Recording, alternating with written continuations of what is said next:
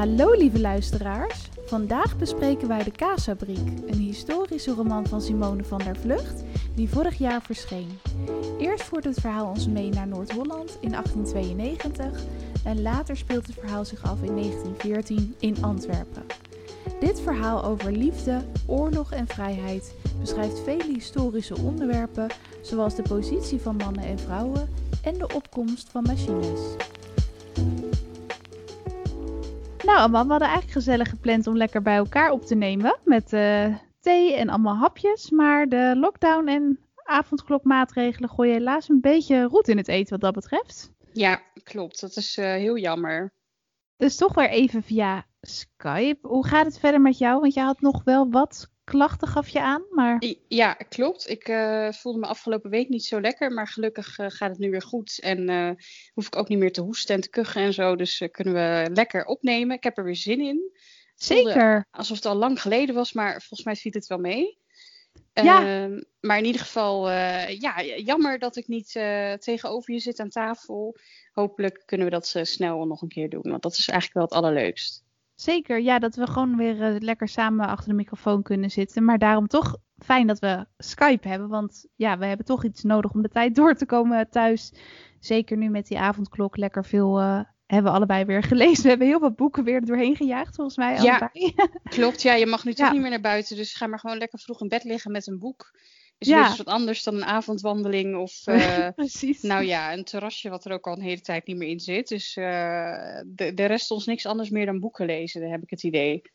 hey, klopt. En over dit boek hadden we het volgens mij al een tijdje, want we zagen volgens mij allebei dat dit boek van uh, Simone van de Vlucht was uitgekomen vorig jaar. Als ik het goed zeg. Ja, afgelopen jaar, 2020. Ja. Was die uitgekomen. En toen waren we allebei een beetje nieuwsgierig. Want volgens mij zeker jij hebt wel al meerdere boeken van haar gelezen, hè? Ja, klopt. En niet alleen de thrillers die zij schreef, uh, maar ook de historische romans. En daar kwamen toch wel vaak onderwerpen voor, voorbij waarvan ik dacht, oh, dit, dat was ik echt even vergeten. Um, geschiedenis was niet mijn beste vak uh, op de middelbare school. Bij mij ook niet. Nee, nee helaas. maar ik vind het wel haar kracht van die boeken dat ze het op een hele uh, luchtige, persoonlijke uh, manier verwoord. Waardoor het niet een soort van gortse, droge feitenrelaas wordt wat je door moet worstelen. Uh, waarbij ik dan weer een beetje nare herinneringen krijg aan mijn uh, middelbare schooltijd. Maar dit is gegoten in een mooi verhaal. Um, maar wel verweven met heel veel ja, historische feiten. Waardoor je meteen die, die, die kennis makkelijker op kan nemen. En je achter dingen komt die je totaal gemist had in je geschiedenisboek. Dus dat vond ik wel leuk. Ja. Maar um, ja, het leest uh, makkelijk weg. Dat uh, had ik eigenlijk van tevoren niet verwacht. Want hoe zag jij dat bij de kaasfabriek? Wat had jij uh, voor idee daarbij? Nou ja, ik heb eigenlijk alleen wat thrillers van Simone van der Vlug gelezen. Volgens mij was ik toen ooit begonnen met de reunie en daarna Herfstlied. Nou, die vond ja. ik allebei heel spannend. En ja, ik ook.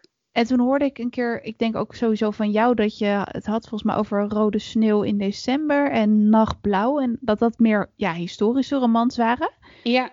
Uh, maar die heb ik dus nooit gelezen, ook om de reden dat ik dacht van ja, ik, ik ben nooit zo... Uh, ja, ik, ik was altijd bang dat het dan wat minder toegankelijk zou zijn. Maar uh, de kaasfabriek, ik dacht nou, hij is net uitgekomen. Het boek speelt zich ook af in Noord-Holland. Leek me ook wel heel interessant. En ik was gewoon heel benieuwd naar haar historische romans. Want ze heeft er echt heel veel uh, geschreven. Uh, ja. Ook veel over, ja, eigenlijk alleen maar dus hè, over oorlogen geloof ik, vaak met vrouwen ook in de hoofdrol. Ja, daadkrachtige vrouwen en over uh, ja, spraakmakende dingen uit de geschiedenis. De 80-jarige oorlog, maar ook dat boek Nachtblauw, dat ging over de Gouden Eeuw. dus waarin het oh, heel goed ging met de handel en zo. En ehm, mensen op het idee kwamen om um, um, van porselein dingen te maken en dat in een bepaalde kleur te verven, wat toen heel erg beroemd werd. En volgens mij nu nog steeds beroemd is. Als je in Delft bent, uh, daar ja. dat, uh, dat Delftsblauw, dat is heel bekend. En uh, ja, ze heeft eigenlijk het verhaal heel mooi beschreven hoe dat is ontstaan. Ik heb daar nooit iets van geweten. Het is natuurlijk ook een beetje gebrek aan mijn algemene kennis. Maar ja, hè, wat is er mis mee om dat dan weer tot je te nemen in de vorm van een mooi verhaal? In plaats van op school omdat je het moet leren, dan lees ik er liever een boek over. Precies, ja, dat, dat had ik ook. Want dit boek ging dan deels ook over de, over de Eerste Wereldoorlog en over ja, stoommachines en dat soort dingen. En ik merk ook inderdaad dat als je dat, dat eh, als het een beetje is weggezakt, zeg maar, die kennis, dat je dan, als je het in een verhaal leest, dat je dan toch het wel weer on je, in je opneemt en dat het leerzaam is. Het is natuurlijk ook wel echt een, een vertelling. Het is ook deels fantasie, maar deels ook gebaseerd op ja, waar gebeurde uh, ja, oorlogen, gebeurtenissen en dat soort zaken. Maar daardoor leer je toch wel weer wat over die tijd. En dit ging ook over de Eerste Wereldoorlog. Daar had ik sowieso weinig over gelezen. Ja. Um, en dus over de kaasfabriek. Uh, want ja, misschien kunnen we een beetje introduceren waar het verhaal dan mee begint. Want het begint echt in de jaren 1890, hè, geloof ik. Ja, klopt. En uh, het gaat over een vrouw, Lydia. En uh, je merkt wel aan bepaalde details in het verhaal dat ze uit een welgestelde familie komt. Dat ze eigenlijk heel rijk is, maar vooral haar ouders ook heel rijk waren. Um, en ze hebben geloof ik ook twee huizen. Een huis in Amsterdam en een buitenhuis of zoiets in Purmerend. Waar dan heel veel mensen uh, in de zomer ja, van hun huis weggingen naar hun buitenhuis. Um, en haar ouders zijn kort na elkaar overleden. En ze is er alleen voor komen te staan. Uh, maar ze gaat in de papieren van haar vader kijken en komt erachter dat hij eigenlijk allemaal plannen had gemaakt om ooit uh, een, een, kaasfabriek op te zetten um, met uh, ja, stoomkracht. Dus met, met stoommachines, waardoor de productie van kaas ook veel groter zou zijn en je veel sneller meer hoeveelheden kaas kon maken dan je gewoon in een boerenbedrijf zou kunnen doen. Ja. Um, dus uh, op die manier komt ze daar uh, meer over te weten en wil ze die plannen eigenlijk voortzetten. Maar in die tijd uh, ben je dus als vrouw niet ja, gerechtigd om in je eentje een bedrijf op, op te zetten. En moet je dat samen doen met iemand anders. Dus omdat ze een vrouw is, heeft ze eigenlijk de hulp nodig van iemand anders. En ja, daar, ja. daar gaat ze een beetje naar op zoek. En daar begint het verhaal, denk ik. Klopt, ja, je leest dan ook echt weer van dat je als vrouw dus, uh, als je getrouwd bent met een man, dat een man dan helemaal zeggenschap over je heeft en uh, alles te zeggen heeft, dat je dan zelf niks meer te zeggen hebt. En volgens mij mocht je als vrouw ook niet alleen op stap of alleen op reis en dat soort dingen worden dan echt wel weer even in kaart gebracht. Net als dat begin van wat je al zei, die stoomkracht van die industrialisatie, zeg maar. Dat dat echt opkomt. Uh, en dat ze daardoor ook de interesse weet te wekken van Huip. Ook een heel belangrijke persoon in het boek. Uh, die is boer, maar die heeft al een kaasbedrijf, geloof ik. Maar nog geen, uh, geen moderne fabriek, zeg maar. Hè? Die doet alles met de hand nog, volgens mij. Ja, want hij heeft hier helemaal geen geld voor. Het is allemaal heel duur. En zij heeft eigenlijk de ja. poen. En hij heeft... ja, hij is vindingrijk. Hij weet eigenlijk hoe hij het praktisch allemaal voor elkaar moet krijgen. Maar hij heeft de middelen gewoon niet. En die heeft zij wel. Ja. Dus ze gaan iets doen wat in die tijd helemaal niet gewoon was. Uh, namelijk de krachten bundelen en uh, samen die uh, fabriek van de grond krijgen. Want hij moet eerst nog helemaal gebouwd worden. Die machines ja. kosten heel veel geld. maar doordat ze dat uiteindelijk allemaal met stoomkracht gaan doen, kunnen ze veel meer bewerkstelligen en hoeven bepaalde moeilijke handelingen of zware fysieke werkzaamheden niet meer met de hand te gebeuren. Ja. Maar hebben ze daar machines voor. Dus ja, bewerkstelligen wel een hele hoop voor die tijd, denk ik, om uh, dingen te moderniseren. Zeker, je merkt ook echt wel dat, de, dat eh, Simone van Vlucht daar heel veel research voor heeft gedaan. Ook ja, al de, de fase en de, hoe je kaas maakt, zeg maar, aan zich al. Dat wordt ja. best wel uitgebreid beschreven. Maar ook uh, dat ze die centrifuge hadden van, uh, om de room te scheiden van de melk. Nou ja, dat is dus echt iets wat ze in die tijd uh, hadden. Uh, en ze vertelt in het boek ook over een um, ja, fabriek die al bestond in Friesland. Daar gaan Huip en Lydia, de hoofdpersonen, gaan er dan ook heen om daar inspiratie op te doen. Uh, Freya heet hij geloof ik. En dat schijnt dus ook echt een, een ja, bestaande kaasfabriek te zijn. Die dus echt in 1879 in Friesland uh, is uh, geopend, zeg maar. Oh, wat grappig. dus ze is daar echt naartoe gegaan. Een soort museum, Simone van den Vlucht. Om daar dan te kijken hoe dat er allemaal uitzag. Om ook echt foto's te maken. En ja. zo, zo haalt maar ze ook in het verhaal. inspiratie. Ja. ja, precies. Want in het verhaal natuurlijk ook. Ze konden niet even wat foto's kijken op internet. En zien nee. hoe het er daar aan toe ging. Zoomsten daarheen. En die reis, dat duurt dan ook alweer een halve dag ja. of zo. Ongelooflijk, ja. Je pakt niet zomaar even de trein, maar je moet dan weer overstappen en die trein doet er super lang over.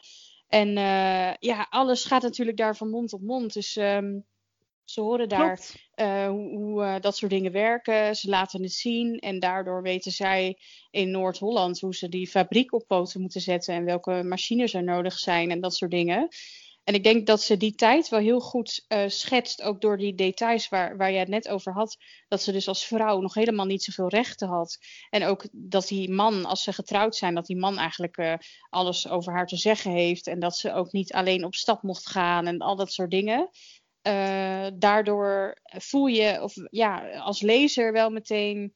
Um, dat, dat, dat ze echt in die tijd leeft en dat het niet een verhaal is geschreven in het, in het nu, maar met uh, details van vroeger erin of zo. Je waant je wel echt in die tijd dat je denkt, oh ja, uh, die details helpen daar wel bij.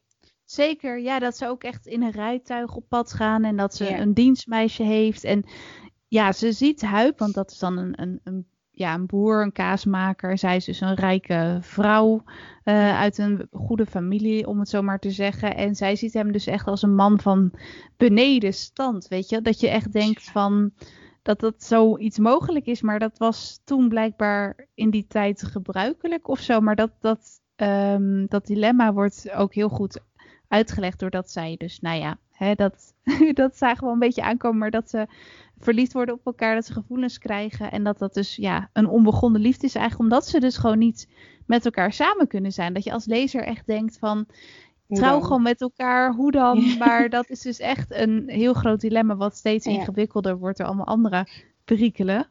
Ja, want het feit blijft, zij komt van een welgestelde familie. En dat zij op dat moment uh, ja, uh, even geen, geen um, uh, ja, bijvoorbeeld niet heel hard werkt of zo, dat doet er even niet toe. Dat geld is er al. En ze hebben Precies. natuurlijk die fabriek opgezet. Dus ze gaat uiteindelijk natuurlijk wel weer geld binnenhalen. Maar feit is dat ze eigenlijk leeft van oud geld van haar familie. Uh, nou, dat maakt haar als heel rijk persoon. Terwijl ik denk dat geld is niet eens echt van jou geweest, als je snapt wat ik bedoel. Ja. Um, maar, en hij is maar een boer, terwijl hij super hard werkt. En misschien wel drie keer zo hard werkt voor, voor elke gulden die hij verdient uh, dan, dan Lydia ooit gedaan heeft. Uh, maar toch vindt zij vooral dat ze niet kunnen trouwen. Want hij denkt er eigenlijk anders over. Dus uh, ze kijkt toch wel een beetje op hem neer. Ja, en dan, uh, nou ja, er gebeurt dus van alles in het verhaal. Op een gegeven moment, nou ja, raakt ze ook zwanger. Wat dus ook echt een no-go is als je niet getrouwd bent. Dat is echt dat was blijkbaar toen echt een schande in die tijd. Ja, en dat ze dan ook echt. Ja, dat ze echt zoiets heeft van. Ja, de toekomst van mijn kind. En dan zegt ze ook: Ja, het gaat me niet om mijn eigen toekomst, maar om die van mijn kind. En dan zou ze dus echt niet met Huip kunnen trouwen. Aan de ene kant is ze inderdaad. Heeft ze een beetje zo'n verheven houding. En hoe ze ook dan met haar personeel en zo omgaat. Dat ik denk: Wauw, dat dat zo ging. Maar aan de andere kant merk je ook wel dat ze wat. Ja, hoe zeg je dat, opstandig soms wordt. En dat ze niet de hele dag binnen wil zitten. En dat ze zich ook wel nuttig wil maken.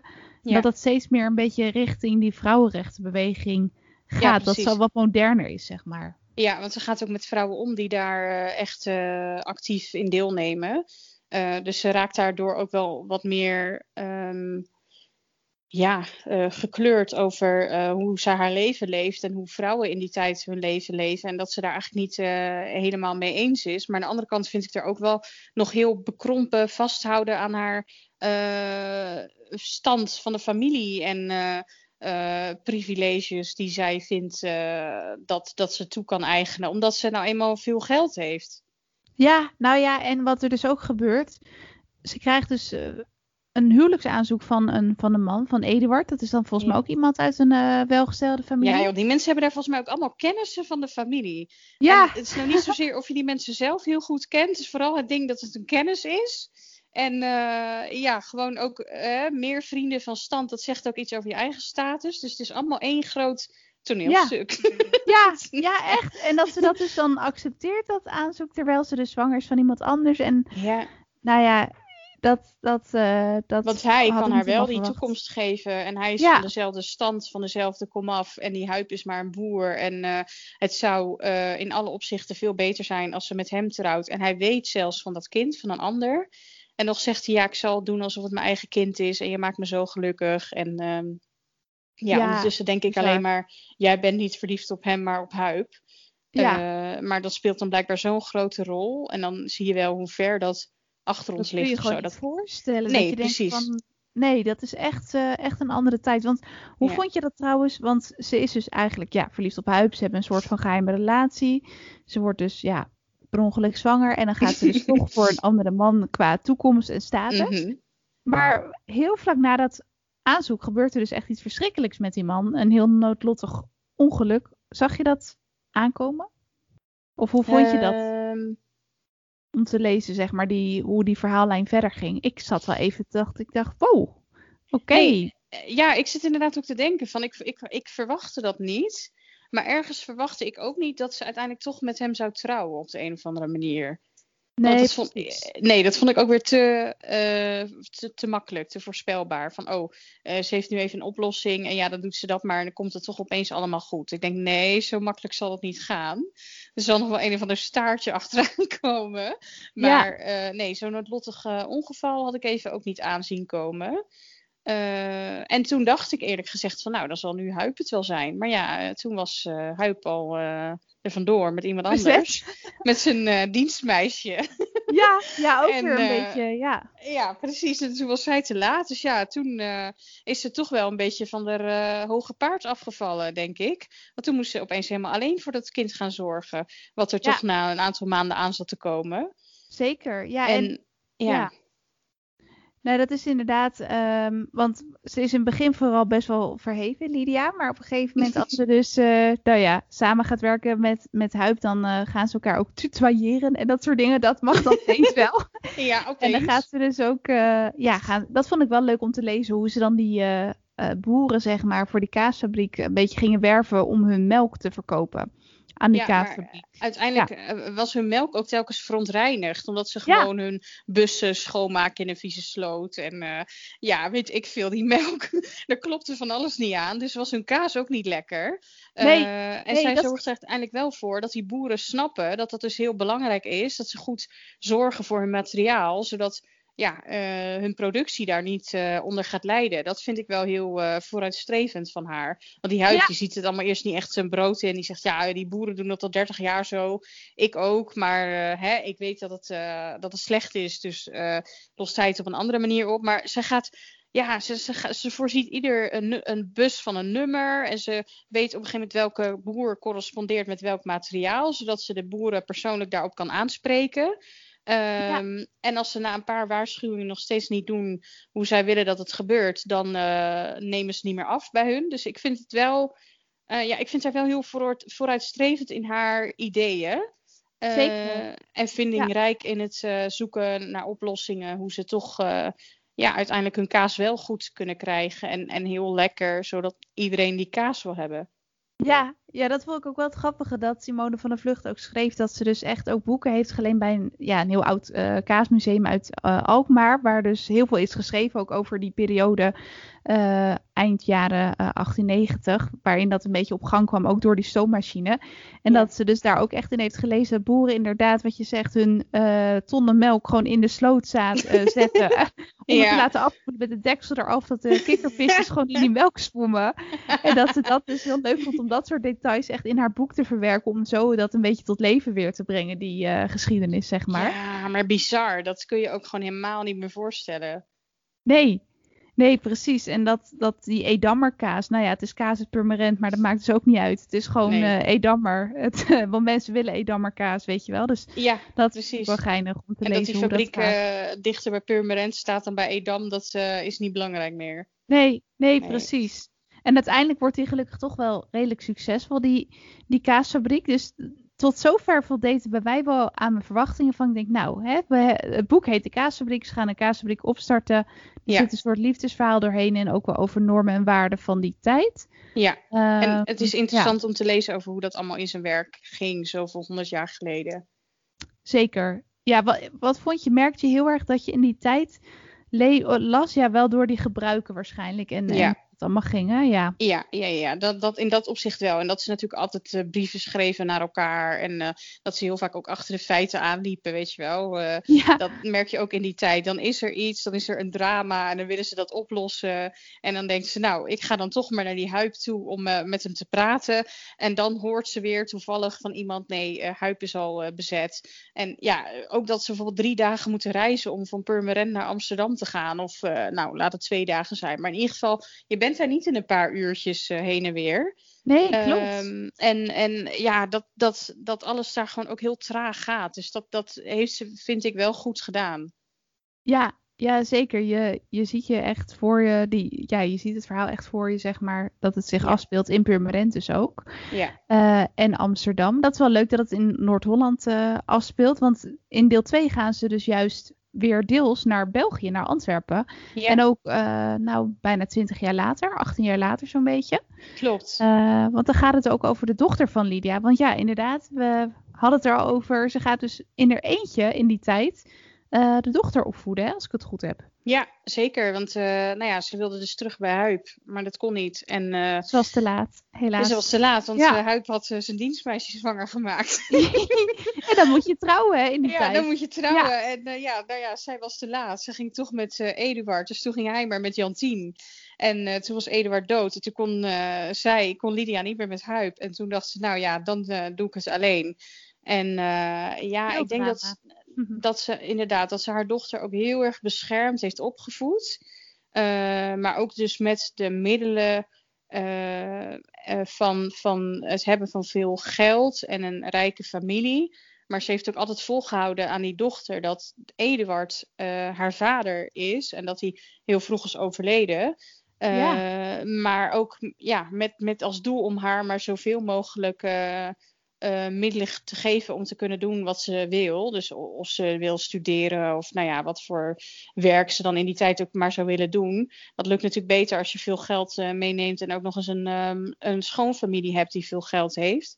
Ja, dat is Um, heel belangrijk, die afkomst. Dat, dat je echt Ja. denkt van in deze tijd is dat zo ondenkbaar. Ja, maar ze wilden echt status eh, verwerven of zo. Hoe noem je dat? Eh, creëren. En eh, ja, het was natuurlijk niet eh, goed voor haar toekomst dat ze erachter zou komen dat ze eigenlijk eh, afstamt van een simpele kaasboer uit eh Purmerend. Dat, dat kon Nee. natuurlijk niet. Echt, en ondertussen, eh die kaasfabriek is er natuurlijk nog steeds. En Lydia en Huip zijn nog steeds samen eigenlijk de eigenaar. Dus Nora ziet Huip ook elke dag. Hij weet, het is mijn dochter. Ja. Maar het is echt hun, hun geheim tot op een bepaalde dag. Dat dat toch... Ja. eh, En ja. eigenlijk vind ik vooral die Huip eh, dat hij gewoon heel veel eh, ja, in het nadeel is gevallen, zeg maar. Hij, is, hij heeft per ongeluk zijn dienstmeisje zwanger gemaakt, waar hij niet echt van houdt.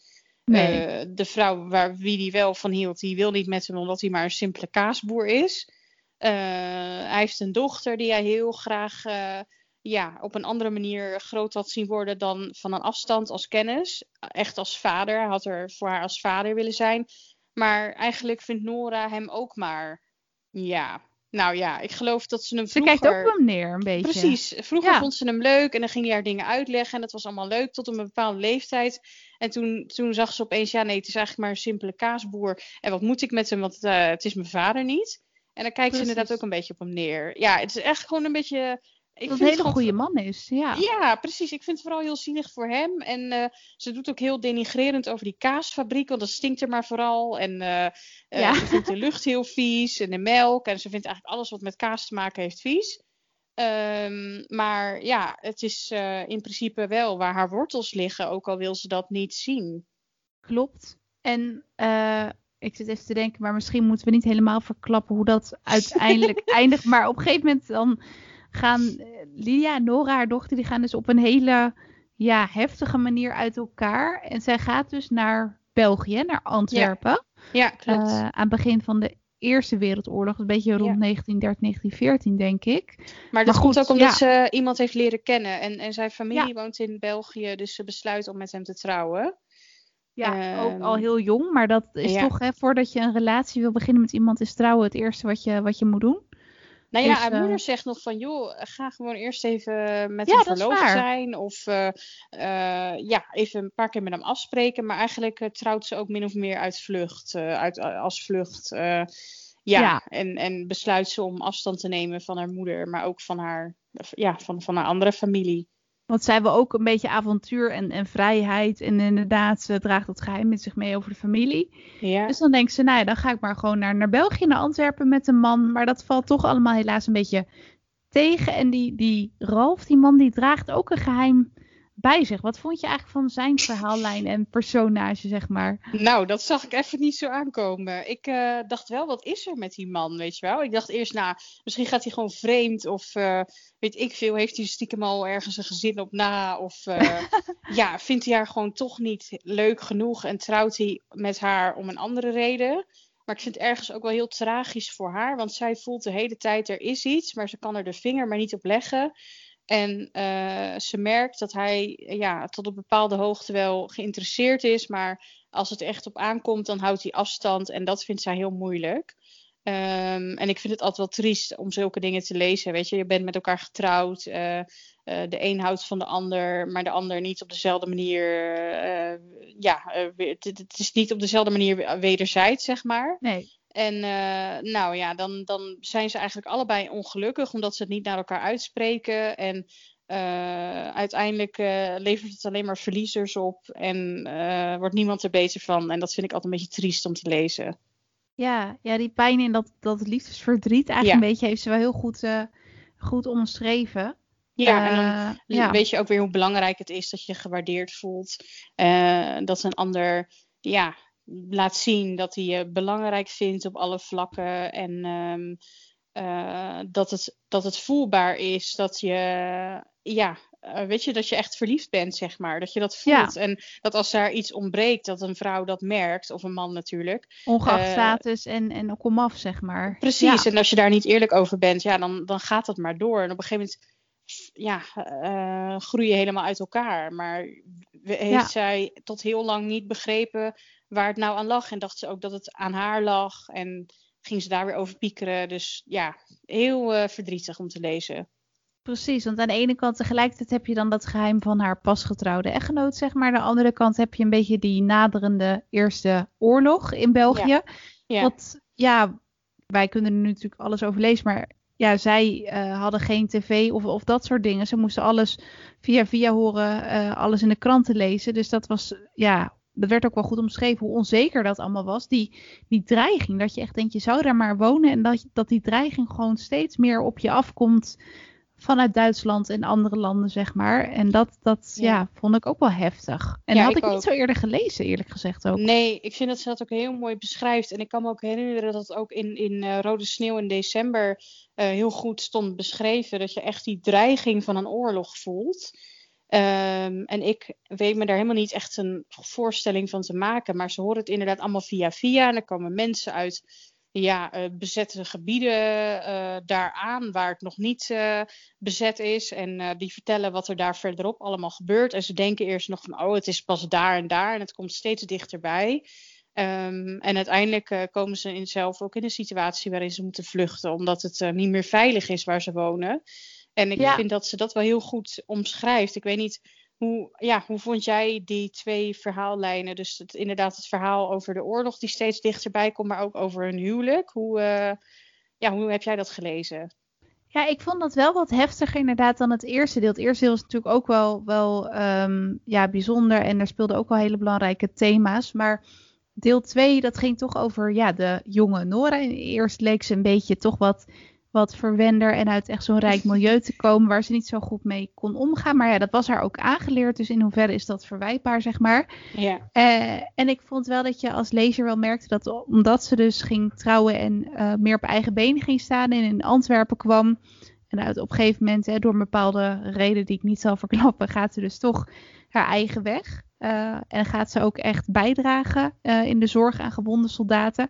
En dan vind ik toch dat ze best wel een uh, ja, hele ontwikkeling doormaakt van dat ik denk, wauw, een hele sterke persoonlijkheid, heel zorgzaam. En ze, je merkt ook dat ze steeds meer gaat nadenken van, ja, ik eh, wil eigenlijk gewoon weten waar ik vandaan kom en hoe mijn echte vader is. En ze ziet ook van, ja, oorlog is er nu aan de hand. Dus hoe belangrijk is nou dat verschil tussen statussen? Dat is helemaal niet belangrijk. En dat vond ik wel heel, een heel positieve ontwikkeling uh, van Nora dan, zeg maar. Ja, absoluut. Maar denk jij dat het haar zonder oorlog ook was gelukt? Goeie vraag. Ja, dat, dat, dat, dat verandert je ongetwijfeld natuurlijk enorm. Ja, en dat, dat hebben we eigenlijk ja. ook gelezen. Dat zij zo anders over dingen is gaan denken. Maar ja, omdat ze letterlijk daar in die ziekenhuizen de dood in de ogen heeft gekeken. En dacht, ja, waar zit ik nou eigenlijk helemaal over te klagen? Maar dan vraag ik me ook af, had je daar echt een oorlog voor nodig? Of was het jou anders ook op een gegeven moment wel uh, ja, in je opgekomen dat je dacht, misschien moet ik toch eens uh, met mijn vader gaan praten, ook al wil ik niet dat hij mijn vader is. Nou, precies. En wat ik dan ook wel bizar vind is als je denkt, maar dat is natuurlijk met alles zo. Uh, in het einde van deel 1 lees je dus dat Lydia, Nora's moeder, dat ze dus naar huis wil om het goed te maken. En als hij toen niet hè, getrouwd was met zijn dienstmeisje, was alles zo anders gelopen. ja. En dat zie je nu ook maar voor, uh, voor Nora. Maar ja, alles ja, valt of staat natuurlijk ook met de keuze die haar ouders hebben gemaakt. Ze hadden er ook voor kunnen kiezen om wel te trouwen en haar samen op te voeden. Ja. Uh, en ja, ik vind dat, dat ze wel die ontwikkeling in de oorlog, dat vond ik wel een hele mooie toevoeging aan het boek. En ik las ook dat Simone van der Vlucht ook had gezegd van ja, ik vond het gewoon heel, uh, dat dat wel een beetje haar favoriete scènes waren over Nora, zeg maar. Uh, die de gewonde soldaten verzorgde. Want dat lijkt me ook enorm heftig om dat allemaal uit te zoeken en op te moeten schrijven. Want dat was ja, wel heel heftig om te lezen. Heel beeldend geschreven, helaas. Zo, wel. ja, ik zat af en toe tussendoor even aan de lunch. Dat ik dacht, nou, ik wacht nog ja. even. Maar dat was echt heftig. Dat ging ook letterlijk over, over lichaamsdelen die op de grond lagen, bebloed verband, uh, verpleegsters die heen en weer rennen omdat ze niet weten waar ze eerst moeten zijn. Uh, uiteindelijk uh, allemaal met een half oog een Nora maar laten helpen die nul opleiding heeft gevolgd wat dat betreft. Al die jonge mensen ook die gewond raken ja, en die angst precies. waar je in leeft. Ja. En uiteindelijk gaat zij wel als vrouw zijnde, wat in die tijd ook ja, heel weinig voorkwam, Um, in, in de ambulance rijden om uh, ja. gewonden te vervoeren. Dus zij maakt een hele ontwikkeling door. Zij wordt echt een heel ander persoon, veel volwassener, uh, maar ja, ook gehard door wat ze gezien heeft. Dus ik, ik vind dat ze dat heel goed gedaan heeft. En aan de andere kant, uh, ja, je merkt wel dat mensen gewoon ja, dat, dat ze zoveel hebben meegemaakt, dat ze toch ook wel echt iets overhouden aan die oorlog. Want haar, nee, haar halfbroer, dus ja. de zoon van Huip en het uh, dienstmeisje, die um, ja, gaat haar op een gegeven moment zoeken. En uh, die ziet ook een hele andere Nora terug. Dat vind ik eigenlijk ook wel een hele mooie scène. Absoluut. Uh, dat ze elkaar tegenkomen en zij heeft zoiets van, nou, wat doe jij hier? En hij zegt van, ja, kom je ophalen, want uh, je familie wil je terugzien. En uh, ik weet een manier om veilig thuis te komen. Of tenminste hè, met, met risico's. Ja, um, ja en zij uh, ja, is, is, is daar toch wel een heel ander leven gaan leiden. En probeert hem dat een beetje duidelijk te maken op een bepaalde manier. Ja, ja, zeker. En in die tijd autorijden en sowieso ambulance besturen en vrouwen, dat was allemaal heel uitzonderlijk. Dus dat, ja dat, dat lees je dan ook weer. En dat je dus inderdaad ook geen contact kan krijgen met je familie in Nederland. Terwijl je in België zit. Alles gaat via de post. Maar dat moest dan weer via Engeland. En dat lag dan weer plat, die postdienst. ja. Dat je denkt, oh, ongelooflijk. Ja, bizar en, hè? Dus dat, dat, ja, en die twee delen, uh, ja, op zich ze zijn hele andere periodes wel, spelen ze zich af. Dus vond je dat het een beetje mooi bij elkaar aansloot? Um, moeilijke vraag. Uh, het is, ja, je hebt het gevoel dat er in die uh, ja, 20 jaar die ertussen zit ongeveer. Ja. Uh, dat er heel veel is gebeurd in die tijd. En ik weet niet in hoeverre dat klopt. Want nogmaals, ik was niet heel best in geschiedenis. maar het ene deel is best wel positief, vind ik. hoopgevend. met die kaasfabriek ja. en hoe dat wordt opgestart. Um, ja, en het andere deel wordt toch ook wel heel erg overschaduwd door die oorlog, die best wel heftig is. Uh, Zeker. Maar ik vind ja, ook wel weer positief dat Nora zo'n verandering doormaakt. Uh, en ja, dat het ook consequenties gaat hebben voor haar toekomst uh, in die zin. Zeker. Um, maar ja, uiteindelijk komen ze natuurlijk als familie wel weer een soort van samen terug in het verhaal. Want in deel 1 was er nog geen volwassen Nora. En die is er in deel 2 wel. Dus dan wisselt ze dat ook wel af met stukjes over haar moeder. Dat vind ik wel uh, leuk om te lezen. Dat het niet alleen nog maar over Nora gaat. Nee, het zijn echt wisselende perspectieven. Dan weer uh, soms ja. Huip en dan weer Lydia en dan weer Nora inderdaad. Ja, dus in die zin komen ze in deel 2 ook wel weer bij elkaar of zo. Ja. Uh, maar ja, ja, ik weet niet. Ik, ik dacht, we kunnen eromheen draaien. Maar ik vond gewoon het einde een beetje tegenvallen. Ik dacht, is dit het nou? Ja, dat, je had het wat spectaculair verwacht. Of, of ja, uh... zoiets. Ik denk, uh, ja, het is, het is, ja, ik kan er natuurlijk niet te veel over zeggen, denk ik. Maar ik denk, ja, of het komt helemaal goed, of er gebeurt een of ander dramatisch klapstuk waarvan je denkt van, oké, okay, maar nu kan het ook niet meer goed komen. En dan hoort het gewoon bij het verhaal. Maar dat ja. is een soort van ertussenin. Van ja, ik wil eigenlijk niet rechts, ik wil ook niet links. En, Beetje ja. open een beetje open einde. Ja, je weet gewoon niet precies hoe het afloopt eigenlijk. Want jij hebt ook andere uh, historische romans gelezen van Simone van der Vlucht. hoe, hoe vond je deze in vergelijking met die? Of, ja. Mm, nou, het, ik weet dus niet zo goed meer hoe het nou precies eindigde. Heel erg. Maar wat me wel opviel is dat ik nu voor het eerst dacht van... Oh, dit is niet... Uh, ja, hoe noem je dat? Dit vind ik niet een, een bevredigend einde of zo in allerlei opzichten. Ik, vond, ik, ik miste gewoon nog wat. En dat had ik bij die andere boeken niet. Dus ik denk wel... Uh, ja, dat, ik, dat, dat je er daarom iets over kan zeggen wat dat einde betreft. Omdat het me nu pas opviel. Ja, ja, precies. Ja, ik snap wat je bedoelt. Ik, uh, ik luister boek dan. Dus als je natuurlijk een papieren boek hebt, dan weet je ook, oké, ik ben nu bijna bij de laatste bladzijde. Dus dit is het einde. ja. Maar als je een boek luistert, dus niet. Dus ik zat nee. en ik dacht, oké, ja, het moet nu wel bijna het einde zijn. En toen was het einde. Dus zat ik echt zo op huh? de bank van, hè? Is Ja. dit het einde? Is dat misschien ook alweer Precies. Wat komt er nog een hoofdstuk of zo? Of wat, wat mis ik? Of komt er een deel Ja. 2? Of is in principe het verhaal is wel af, maar inderdaad, het is niet een heel eh, spectaculair einde. Hoeft in principe ook niet, maar ik, ik ben het wel met je eens. Eh, ja, ik had, ik had iets anders verwacht. Of inderdaad een heel emotioneel weerzien met haar moeder of zo. Maar dat is Ja. niet. Nee, dat is Ehm, niet. Heel gek vond ik het. Maar het zijn wel dus altijd vrouwen die de hoofdrol spelen in haar boeken, hè? Of niet? Ehm, ja, ja, volgens mij wel vaak. Of het is een stijl. Oh ja. Eh, Maar inderdaad, het gaat wel vaak over daadkrachtige vrouwen die eh, ja, dingen doen eh, die in hun tijd toch wel heel gek of ongewoon waren. En uiteindelijk daardoor wel een, ja, iets neerzetten voor die tijd. Een, een, een vera- verandering bewerkstelligen die, eh, ehm, ja, die best wel groot is of zo. Ja, en dat, dat maakt inderdaad ook het hoopgevende dat ze die fabriek hebben gebouwd. En dat vind ik ook wel sterk aan het verhaal, dat er dus deels een fictieve verhaallijn is, maar deels dat er dus inderdaad heel veel elementen uit de oorlog, maar ook over de stoommachines. Maar bijvoorbeeld ook eh, hele bekende eh vrouwenrechtenactivisten, volgens mij Rosa Manes zit er dan af en toe even terloops, wordt ze genoemd, of Aletta Jacobs. Oh ja, dat klopt. dat soort ja. dingen, dat ik denk, hé, Die eh, kennen we wel. die kennen we. En dat ze dan Ja. dus wel heel zich eh, goed heeft verdiept in die tijd en wat er toen allemaal speelde, politiek gezien ook. Ja, dat vond ik Ehm, ook. Dat was wel heel eh, interessant om te lezen. En toegankelijk. Het is, het is inderdaad, wat je aan het begin zei, geen eh, saaie opsomming van allemaal historische feiten. Het is heel eh, verhalend Nee. geschreven en toegankelijk voor iedereen. Ja, klopt. En als het echt heel saai was geweest, dan had je mij niet eh, omgekregen voor deze podcast, want dan kwam ik er niet doorheen. Dan waren we Eh, gestrand. absoluut. Dan was ik ergens in slaap gedommeld. dus eh, nee, ik vond het heel fijn dat ze het op zo'n verhalende manier heeft geschreven, waardoor je ja, veel meer in het verhaal zit dan dat je denkt, ik moet nu die kennis uit de tijd paraat hebben of zo. Want dat wordt, ja, dat, dat, dat is natuurlijk ook belangrijk, maar het wordt een beetje een bijzaak, omdat het vooral gaat over eh, ja, de liefde en eh, de, de familiegeschiedenis eh, die wordt beschreven, denk ik. Klopt. Wat misschien ook wel grappig is, is dat ik eh, had gehoord dat eh, sommige schrijvers dat zij gewoon beginnen met schrijven om een boek. En dat ze dan wel zien van nou, het verhaal gaat die kant op. Ik zie wel waar het eindigt. Dat ze eigenlijk nog geen eindscène in hun hoofd hebben. En Mhm. juist omdat wij het net dus over dat einde hadden. eh ik las dus dat deze schrijfster in een interview ook had gezegd dat zij dus altijd van tevoren bedenkt wat de laatste scène is van het verhaal.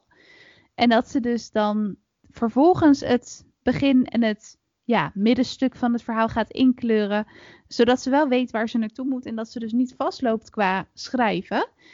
En dat ik denk, nou, het lijkt me echt. Nou ja, maar zij heeft ook zoveel boeken geschreven. Ook gewoon thrillers, ook allemaal verschillende genres. Dat vind ik ook wel Ja. heel eh buitengewoon knap. Ja, ook jeugdboeken, toch? Of was dat nou ook anders? jeugdboeken. Ja, ja, klopt. Nee, volgens En mij dat ook zo. Ja, inderdaad. Voor, Maar- voor alle ja. leeftijden eigenlijk. En dat je denkt van dat ze dan daar naartoe schrijft naar dat einde. Dat je dat allemaal zo op zijn plaats moet laten vallen.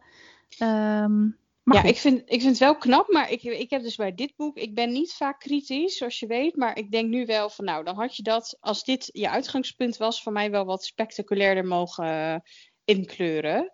Ja. Ehm, en, en inderdaad, eh, ik vind het verhaal eromheen eigenlijk heel mooi, maar ik vind gewoon nog steeds dat einde niet, ja, niet in, in alle opzichten recht doen aan het verhaal of zo. En in principe vind ik hier ook wel. Natuurlijk, het, het verhaal over de liefde is heel interessant en herkenbaar. Daar kan je in verplaatsen. Maar ik vind wel echt de meerwaarde van dit verhaal ook die historische omstandigheden. Ja, En ehm, absoluut. dat wel. Want, Maar het ja, wordt makkelijker om het in je op te nemen, omdat het in een soort van verhaalvertelling is eh, gegoten.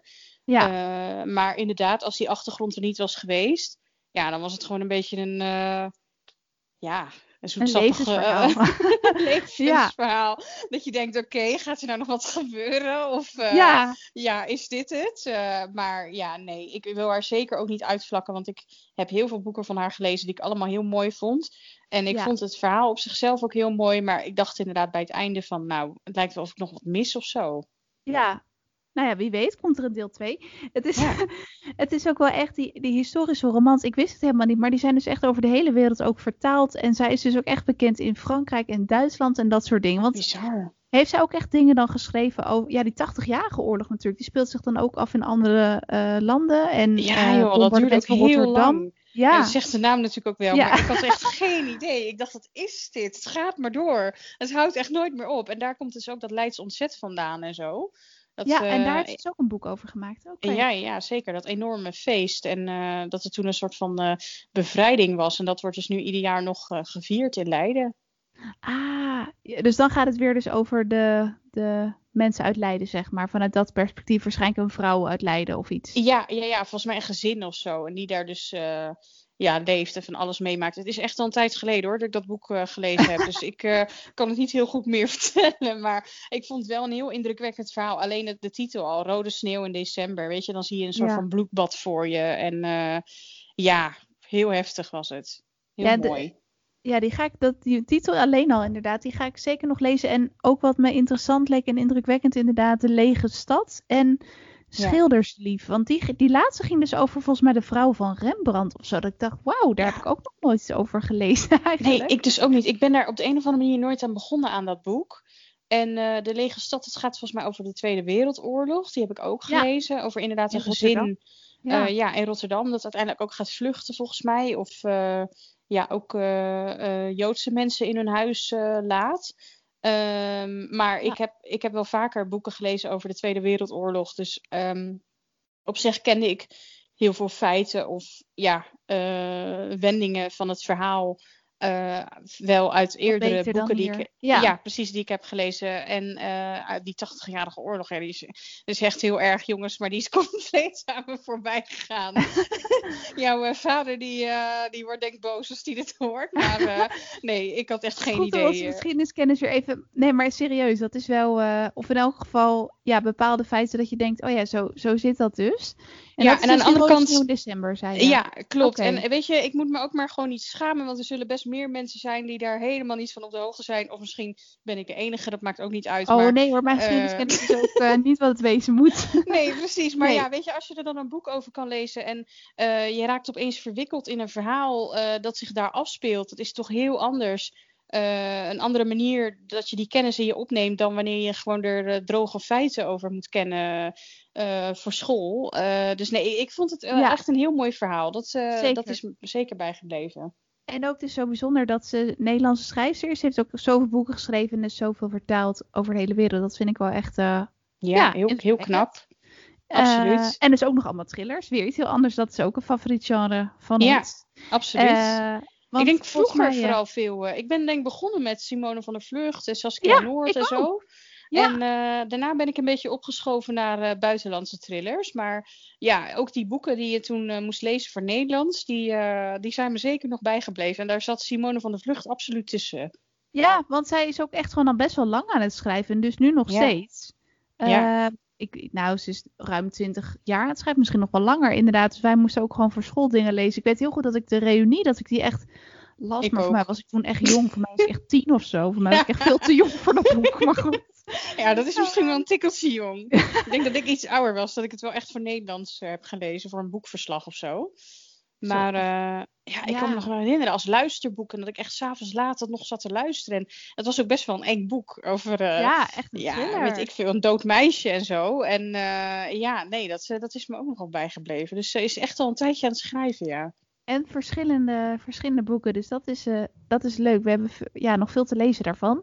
Ja, En uh, jij en ik zijn ook alweer bezig in een andere thriller, hè? Wie weet gaan we die binnenkort volgens mij bespreken. Nou, ik denk, als het aan mij ligt, ik, uh, hè, ik denk het wel. Ik probeer daarop aan te sturen. Nee, grapje. uh, maar ook een tipje weer van jou. ja, heel leuk. Ik kwam erachter via Facebook, de, de pagina van Storytel.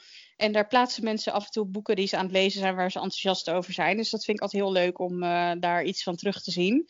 Uh, maar het ging dus over een uh, Vlaamse thrillerschrijfster, Sterre Caron.